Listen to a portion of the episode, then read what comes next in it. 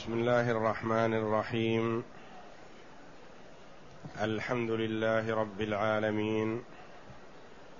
والصلاة والسلام على نبينا محمد وعلى آله وصحبه أجمعين. وبعد. أعوذ بالله من الشيطان الرجيم. فلبثت سنين في أهل مدين ثم جئت على قدر يا موسى. واصطنعتك لنفسي اذهب أنت وأخوك بآياتي ولا تنيا في ذكري. اذهبا إلى فرعون إنه طغى. فقولا له قولا لينا لعله يتذكر أو يخشى. هذه الآيات الكريمة تتميم لما ذكر الله جل وعلا من قبل فيما من الله به على موسى عليه السلام في قوله جل وعلا قال قد أوتيت سؤلك يا موسى ولقد مننا عليك مرة أخرى إذ أوحينا إلى أمك ما يوحى إلى آخر الآيات إلى أن قال جل وعلا فلبثت سنين في أهل مدين ثم جئت على قدر يا موسى. لما خاف موسى عليه السلام من فرعون في أن يقتله مقابل قتله القبطي المتشاجر مع الإسرائيلي. بلغ بأن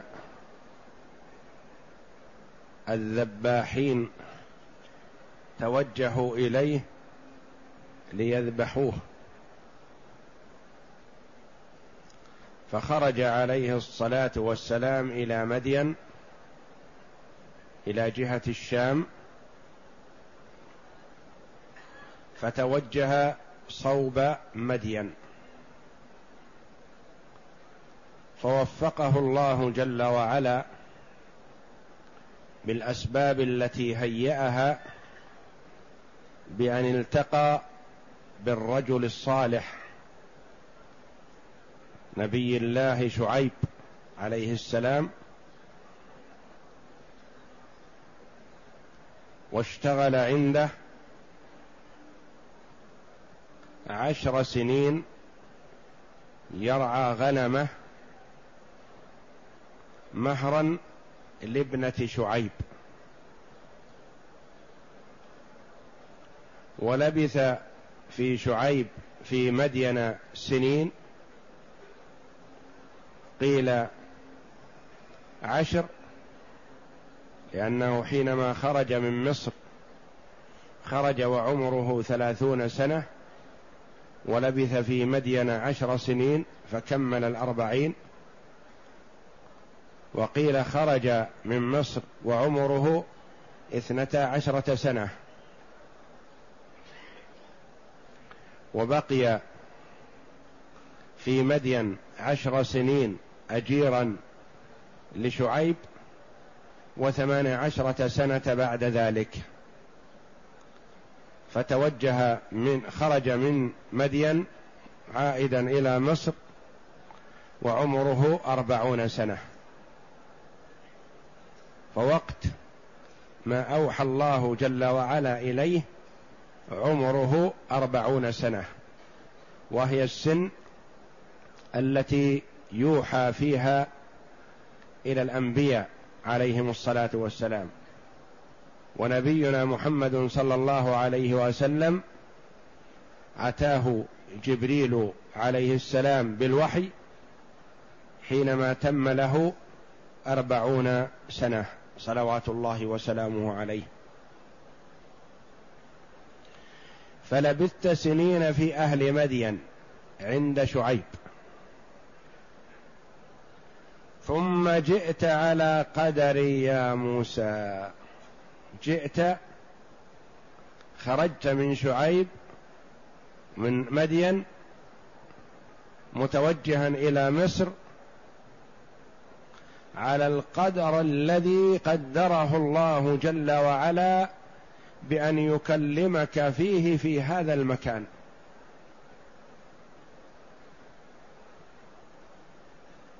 فالله جل وعلا قدر ازلا أن يكلم موسى عليه السلام في جانب الطور الأيمن.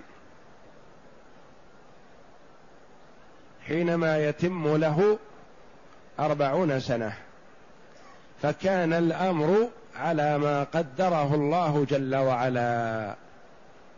لأن كل شيء بإرادة الله جل وعلا وتقديره. واصطنعتك لنفسي. اصطنعتك. ربيتك. ووجهتك. ومن يوم أنت حمل في بطن أمك إلى هذه اللحظة وأنت في رعاية الله وكلاه وحفظه وتوجيهه لأن الله جل وعلا أرادك لأمر عظيم. فقد اصطفاه الله جل وعلا على سائر أهل زمانه فهو أفضلهم عليه الصلاة والسلام.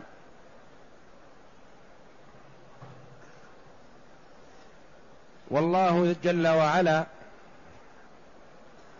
إذا تولى شخصا بعنايته وحفظه وتوجيهه نشأ على ما يريده الله جل وعلا. واصطنعتك لنفسي لتقوم برسالتي. لتكون المبلغ عني. ووظيفة الرسل وظيفة عظيمة. وكذا من اقتدى بهم وسلك مسلكهم ونهج منهجهم من الدعاة إلى الله جل وعلا. فهم يبلغون عن الله. هم المبلغون عن الله تبارك وتعالى. لأن الله جل وعلا لا يخاطب عموم الخلق وإنما يكلف الرسل ومن نهج نهجهم في التبليغ عنه جل وعلا. واصطنعتك لنفسي. روى البخاري ومسلم في صحيحيهما عن أبي هريرة رضي الله عنه أن رسول الله صلى الله عليه وسلم قال التقى آدم وموسى عليهما الصلاة والسلام. فقال موسى أنت الذي أشقيت الناس وأخرجتهم من الجنة؟ يقوله لأبيه آدم. فقال آدم وأنت الذي اصطفاك برسالته واصطفاك لنفسه وأنت الذي اصطفاك الله برسالته واصطفاك لنفسه وأنزل عليك التوراة؟ قال نعم. قال فوجدته مكتوبا علي قبل أن يخلقني. قال نعم. فحج آدم موسى. يعني أن كل شيء بقضاء الله وقدره وكل شيء مقدر. فأول ما خلق الله جل وعلا القلم قال له اكتب. قال ما أكتب؟ قال اكتب فجرى بما هو كائن إلى يوم القيامة. ولا يخرج شيء عن هذا المكتوب الذي كتب ازلا. فالعباد لا يخرجون عما أراده الله جل وعلا لهم وجعل لهم جل وعلا الاختيار العقل والإدراك والتصريف. وأرسل الرسل وأنزل الكتب فأقام الحجة على الخلق. فمن فمن أطاع فبتوفيق الله جل وعلا وهدايته ومن عصى فبهواه وهو لا يخرج عما أراده الله جل وعلا. لأن المرء إذا أمر بالطاعة فرفض رفض باختياره. وهو برفضه هذا لا يخرج عما أراده الله جل وعلا ازلا. وقضاه سبحانه وتعالى. اذهب أنت وأخوك بآياتي. اذهب أنت وأخوك. هذا أول الاستجابة. لما سأل موسى أن يرسل الله جل وعلا معه أخاه هارون قال له الله جل وعلا قد أجيبت دعوتك. فقال له قال قد أوتيت سؤلك يا موسى. قد أوتيت سؤلك يا موسى. سأل الرسالة والنبوة لأخيه. قال الله جل وعلا عقب ذلك اذهب أنت وأخوك بآياتي. اذهب أنت وأخوك بآياتي. ما المراد بهذه الآيات؟ قال بعض المفسرين الآيات التسع. قال بعضهم لم يأت ذكر حتى الآن إلا لآيتين ولكنهما جاءتا بلفظ الجمع لما اشتملتا عليه من الأمور العظيمة. فهما آيتان وهما العصا واليد لكن اشتملتا على أمور عظيمة وعديدة فجمعت. اذهب أنت وأخوك بآياتي لأن الآيات الأخر جاءت فيما بعد ولم تذكر في أول الرسالة وإنما جاءت بعضها تلو بعض كما سيأتي إن شاء الله. باياتي الدالة على وحدانيته تعالى وعلى صدقهما في رسالتهما. أي بحججي وبراهيني ومعجزاتي ولا تنيا في ذكري. لا تنيا. لا تبطئ. استمر على ذكري. لا تضعفا عن ذكري.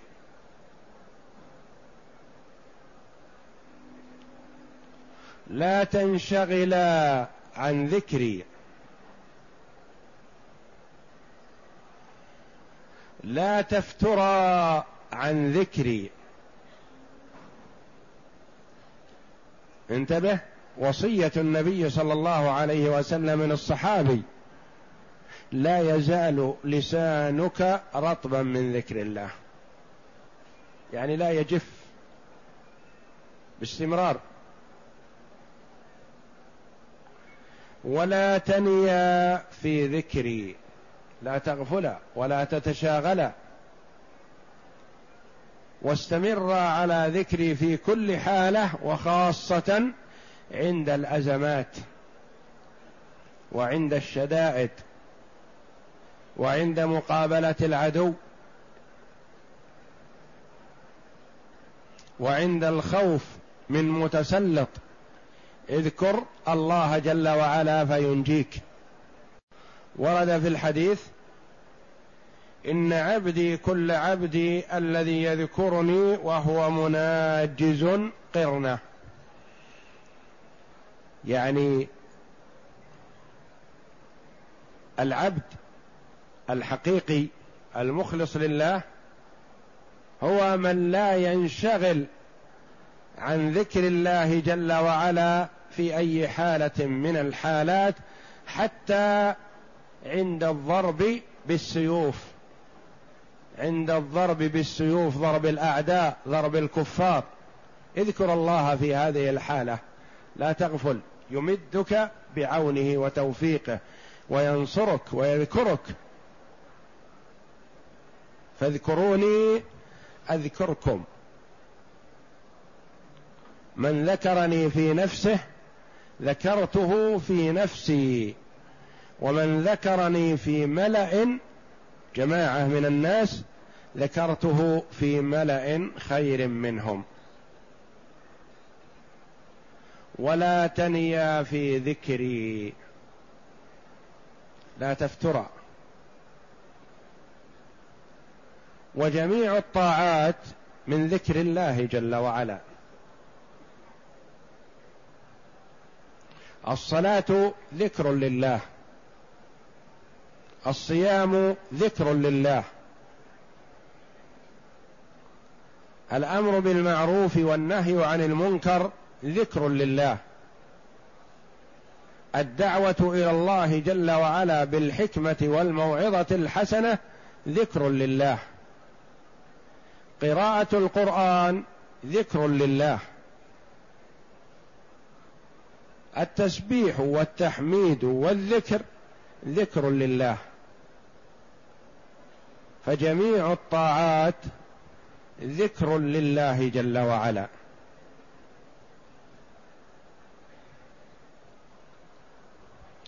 ولا تنيا في ذكري. اذهبا إلى فرعون إنه طغى. طغى تجاوز الحد. تكبر. هو عبد مخلوق لله نسي خالقه وطلب وأمر الناس أن يعبدوه هو. فهذا أشد الطغيان. اذهبا إلى فرعون إنه طغى تجاوز الحد. فقولا له قولا لينا لعله يتذكر أو يخشى. انظر.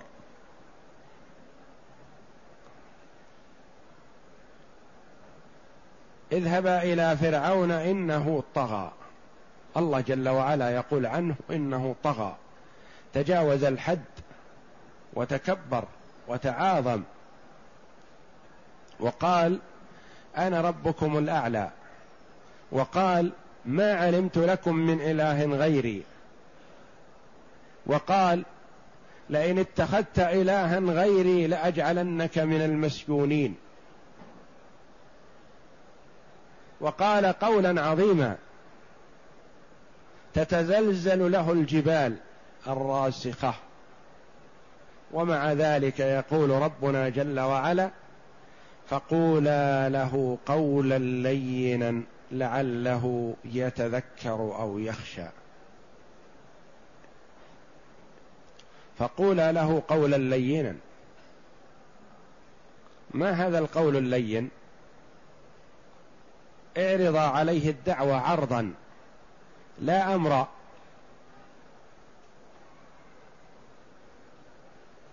كالنياه قال بعض المفسرين قولا له يا أبا فلان يا يا أبا العباس يا أبا مرة يا أبا كذا. تلطف معه وإن كان طغى وتجاوز الحد. فقولا له قولا لينا قولا له إن أطعت الله جل وعلا أعطاك الله القوة والشباب وثبت لك الملك فلا يؤخذ منك حتى تموت. يستمر شبابك ويستمر تلذذك بالشهوات بالطعام.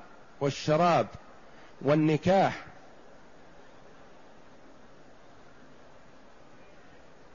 قول له تنعم في الدنيا وتنعم في الاخره بجنه عرضها السماوات والارض. اعرض عليه الدعوه إلى الله جل وعلا بلطف ولين. فقولا له قولا لينا. وهذا تشريع من الله جل وعلا لعباده.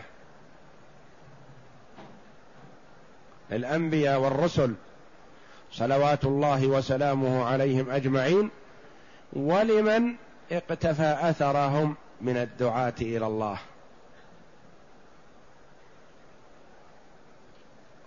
ويقول لعبده ورسول نبينا محمد صلى الله عليه وسلم ادع إلى سبيل ربك بالحكمة والموعظة الحسنة وجادلهم بالتي هي أحسن.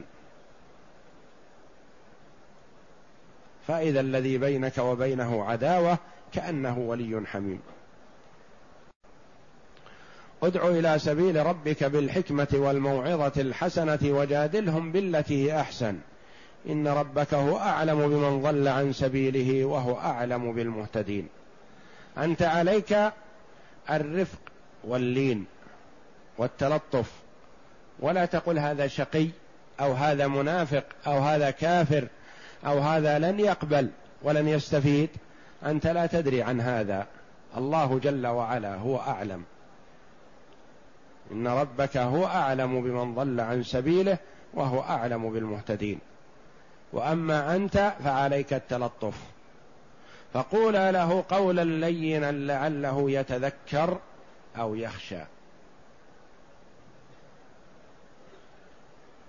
الله جل وعلا يعلم ازلا قبل أن يخلق الخلق بأن فرعون لن يتذكر ولن يخشى ولن يقبل مهما قيل له من القول اللين الحسن لن يقبل. لكنه جل وعلا قال لموسى وهارون فقولا له قولا لينا لعله يتذكر أو يخشى. اطمعا في هدايته. لأجل أن يدعو الداعي وهو طامع في القبول. حريص كل الحرص على القبول ومتوقع له.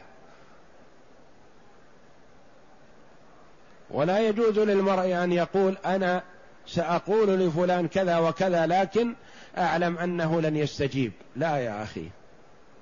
وما يدريك. قل واحرص على التلطف به لعله يستجيب. فالداعي يكون واثق وعنده رغبة وحرص على هداية من توجه إليه وله أمل كبير في الهداية. لا يكن عنده شيء من اليأس. فلا يصدق في الدعوة أو لا يخلص معه أو لا يعطيه من نفسه ما يستحق. بل يقبل على من توجه لدعوته كالجازم بأنه سيهتدي على يديه. فقولا له قولا لينا لعله يتذكر أو يخشى. رغباه وحسنا له القبول والاستجابة. فيما يعطى في الدنيا وما يدخر له في الآخرة. لعله يتذكر يتعظ أو يخشى يخاف الله جل وعلا ويخاف عقابه فيقبل على الطاعات. لعله يأسف على ما مضى من أعماله. لعله يرعوي ولعل للترجي. قال بعضهم لما قال لعل؟ والله جل وعلا يعلم ازلا أنه لا يهتدي مع أن لعل للترجي. قالوا هذه لعل في حق موسى وهارون. لأن موسى وهارون لا يدريان هل يستجيب أو لا يستجيب. فهما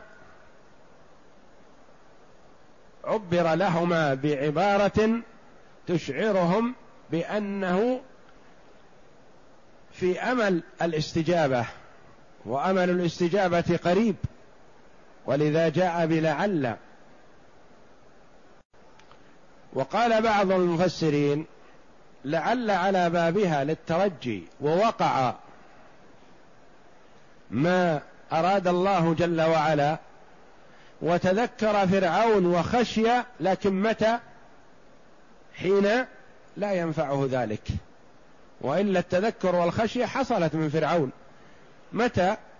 حينما قال آمنت أنه لا إله إلا الذي آمنت به بنو إسرائيل. وأنا من المسلمين. قيل له الآن وقد عصيت قبل وكنت من المفسدين. ما نفعت. لأن المرء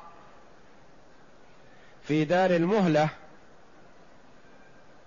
وله حق الرجوع والندم والله جل وعلا جواد كريم يقبل التوبة إلى حد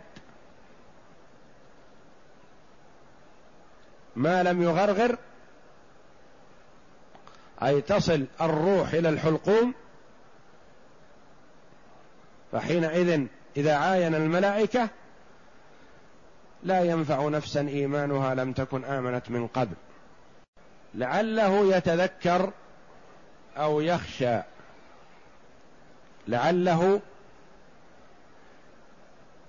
يندم على ما فرط منه. يتذكر حاله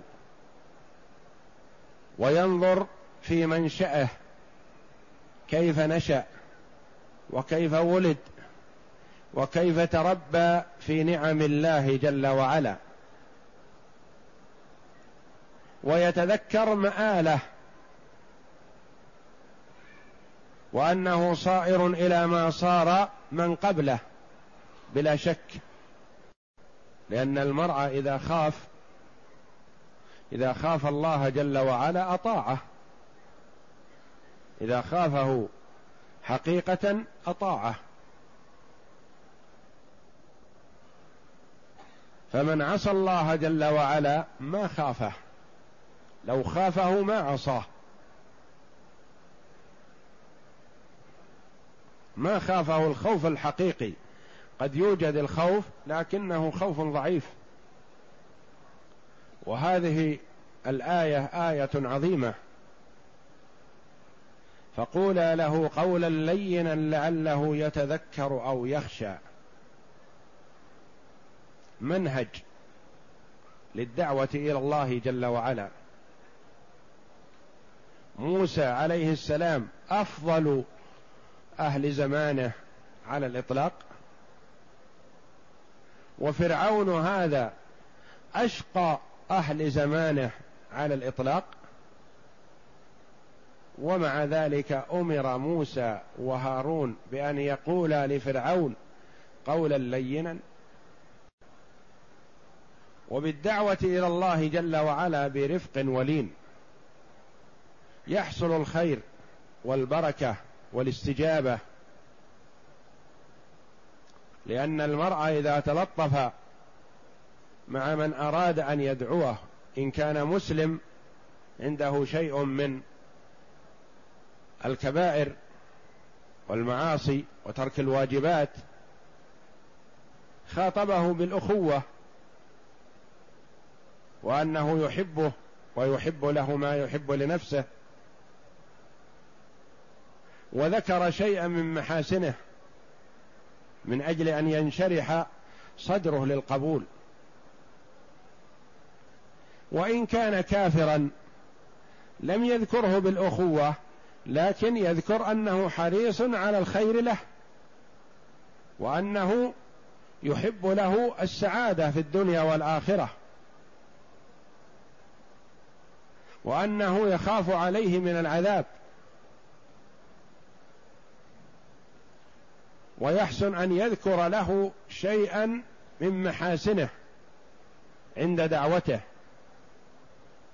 لينتبه وليستجيب وليصغي لمحدثه. ثم بعد ذلك يدخل فيما أراد برفق ولين وسر كلما كانت الدعوة سرا بين الداعي والمدعو فهو أحرى للقبول والإجابة. وخاصة مع أخيك المسلم فكما ورد المؤمن يستر وينصح والمنافق يفضح. فإذا وقعت على زلة لأخيك المسلم فاسترها وانصحه سرا بينك وبينه. ولا تفضحه في الملأ. من ستر مسلما ستره الله في الدنيا والآخرة. فالمؤمن يستر الزلات وينصح يبذل النصيحة. والمنافق يفضح والعياذ بالله ويتبجح بما قال والمواقف التي وقفها وأنه قال كذا وقال كذا والمؤمن الذي يرجو ثواب الله في دعوته وتوجيهه يعلم يقينا أن من قال هذا القول من أجله أنه يعلمه ولا حاجة لإعلام الآخرين.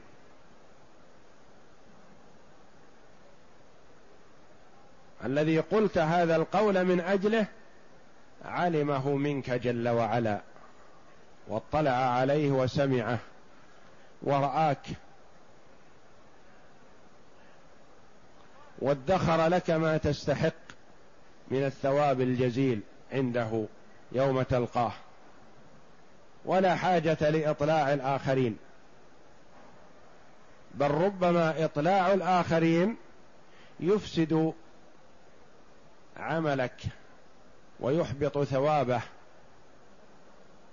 لأنك ربما إذا أطلعت الآخرين من أجل أن يمدحوك بذلك ويثنوا عليك به بطل عملك. لم يكن لله كان للآخرين ولا ثواب لك عندهم ولا ثواب لك عند الله. والله جل وعلا جواد كريم. يتحبب إلى خلقه حتى العصاة منهم حتى الفجار حتى الظلمة. يتحبب إليهم لعلهم يرجعوا.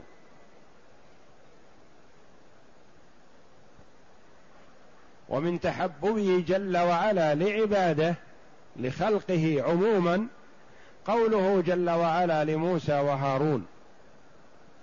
فقولا له قولا لينا لعله يتذكر أو يخشى. قال بعضهم يا من يتحبب إلى من يعاديه فكيف بمن يتولاه ويناديه؟ فهو إلى من يدعوه ويناديه أقرب وأسرع جل وعلا. من تقرب إلي شبرا تقربت إليه ذراعا ومن تقرب إلي ذراعا تقربت إليه باعا ومن أتاني يمشي أتيته هرولة. والله جل وعلا يبسط يده بالليل ليتوب مسيء النهار ويبسط يده بالنهار ليتوب مسيء الليل. وإذا اقترف العبد ذنبا فتاب منه توبة صادقة تاب الله عليه وأبدله بحسنة مقابل توبته. بدل الذنب هذا العظيم جعله حسنه جل وعلا. وما ذاك إلا لجوده وكرمه وإحسانه ولطفه جل وعلا بعباده. ومناداته لهم في سائر الأوقات ليسألوه ليعطيهم. ويستغفروه ليغفر لهم. ويقول جل وعلا وإذا سألك عبادي عني فإني قريب أجيب دعوة الداع إذا دعان فليستجيبوا لي وليؤمنوا بي لعلهم يرشدون. فهو جل وعلا جواد كريم. يتفضل على عباده دائما وأبدا وخاصة في أوقات الإجابة في الأزمنة الفاضلة وفي الأمكنة الفاضلة. يتحرى العبد الوقت المناسب الذي تتحرى فيه الإجابة كآخر الليل. وبين الأذان والإقامة وعند نزول المطر وعند إقبال القلب على الله. المؤمن يجد نفسه أحيانا عنده إقبال ورغبة في الخير فيغتنم هذه الفرصة ويقبل على الله جل وعلا بالدعاء والتضرع ولن يخيب من دعاه. وقد أخبر النبي صلى الله عليه وسلم الصحابة أن إجابة الله جل وعلا لعباده على ثلاثة أنحاء ثلاثة أنواع. لن يخيب داع. وستكون الإجابة بواحد أو أكثر من أمور. قد يعجل الله للعبد دعوته وقد يدفع عنه من السوء ما هو خير له مما دعا به وقد يدخر الله له في الدار الآخرة ما هو خير له مما دعا به. تعجل أو يدفع عنه من السوء ما هو مقدر عليه لكن دفع بهذا الدعاء. لا يرد القدر إلا الدعاء. أو يدخر له في الدار الآخرة ما هو خير له مما دعا به. قال الصحابة رضوان الله عليهم اذا نكثر. ما دام أن الدعوة لن تضيع عند الله جل وعلا إذا نكثر. قال قال الرسول صلى الله عليه وسلم الله أكثر. كلما أكثرتم في الدعاء أكثر الله جل وعلا بالإجابة. والله جل وعلا لا يعجزه شيء وإنما أمره إذا أراد شيئا أن يقول له كن فيكون. وفي الحديث القدسي لو أن أولكم وآخركم وإنسكم وجنكم كانوا في صعيد واحد فسألوني فأعطيت كل إنسان مسألته ما نقص ذلك مما عندي إلا كما ينقص المخيط إذا أدخل البحر. فألحوا على الله جل وعلا بالدعاء والتضرع والرغبة فيما عنده. بقلب مقبل على الله موقن بالإجابة كما قال عليه الصلاة والسلام ادعوا الله وأنتم موقنون بالإجابة. وقال عليه الصلاة والسلام لا يستجاب الدعاء من قلب غافل. وقال عليه الصلاة والسلام يستجاب للعبد ما لم يدعو باثم أو قطيعة رحم أو يعجل. قيل يا رسول الله كيف يعجل؟ قال يقول دعوت ودعوت فلم ارى يستجب لي. يعني يصيبه اليأس والعياذ بالله. في هذه الحال لا يستجاب له. لكن ادعو يا أخي وأنت موقن بالإجابة.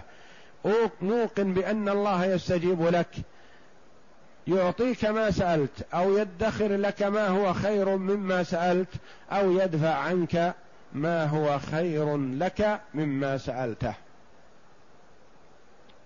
الحوا على الله جل وعلا بالدعاء وخاصة في هذه الأيام المباركة وخاصة في هذه العشر الأواخر من رمضان التي يتحرى فيها ليلة القدر. وكان النبي صلى الله عليه وسلم إذا دخل رمضان يصلي ويرقد. فإذا دخلت العشر شد المئزر وأيقظ أهله وأحيا ليله عليه الصلاة والسلام وجد واجتهد في العبادة تحريا لليلة القدر التي هي كما قال الله جل وعلا خير من ألف شهر. يقول عليه الصلاة والسلام من حرم خيرها فقد حرم. وليلة القدر تتحرى في العشر الأواخر من رمضان وفي أوتاره آكد في ليالي الوتر.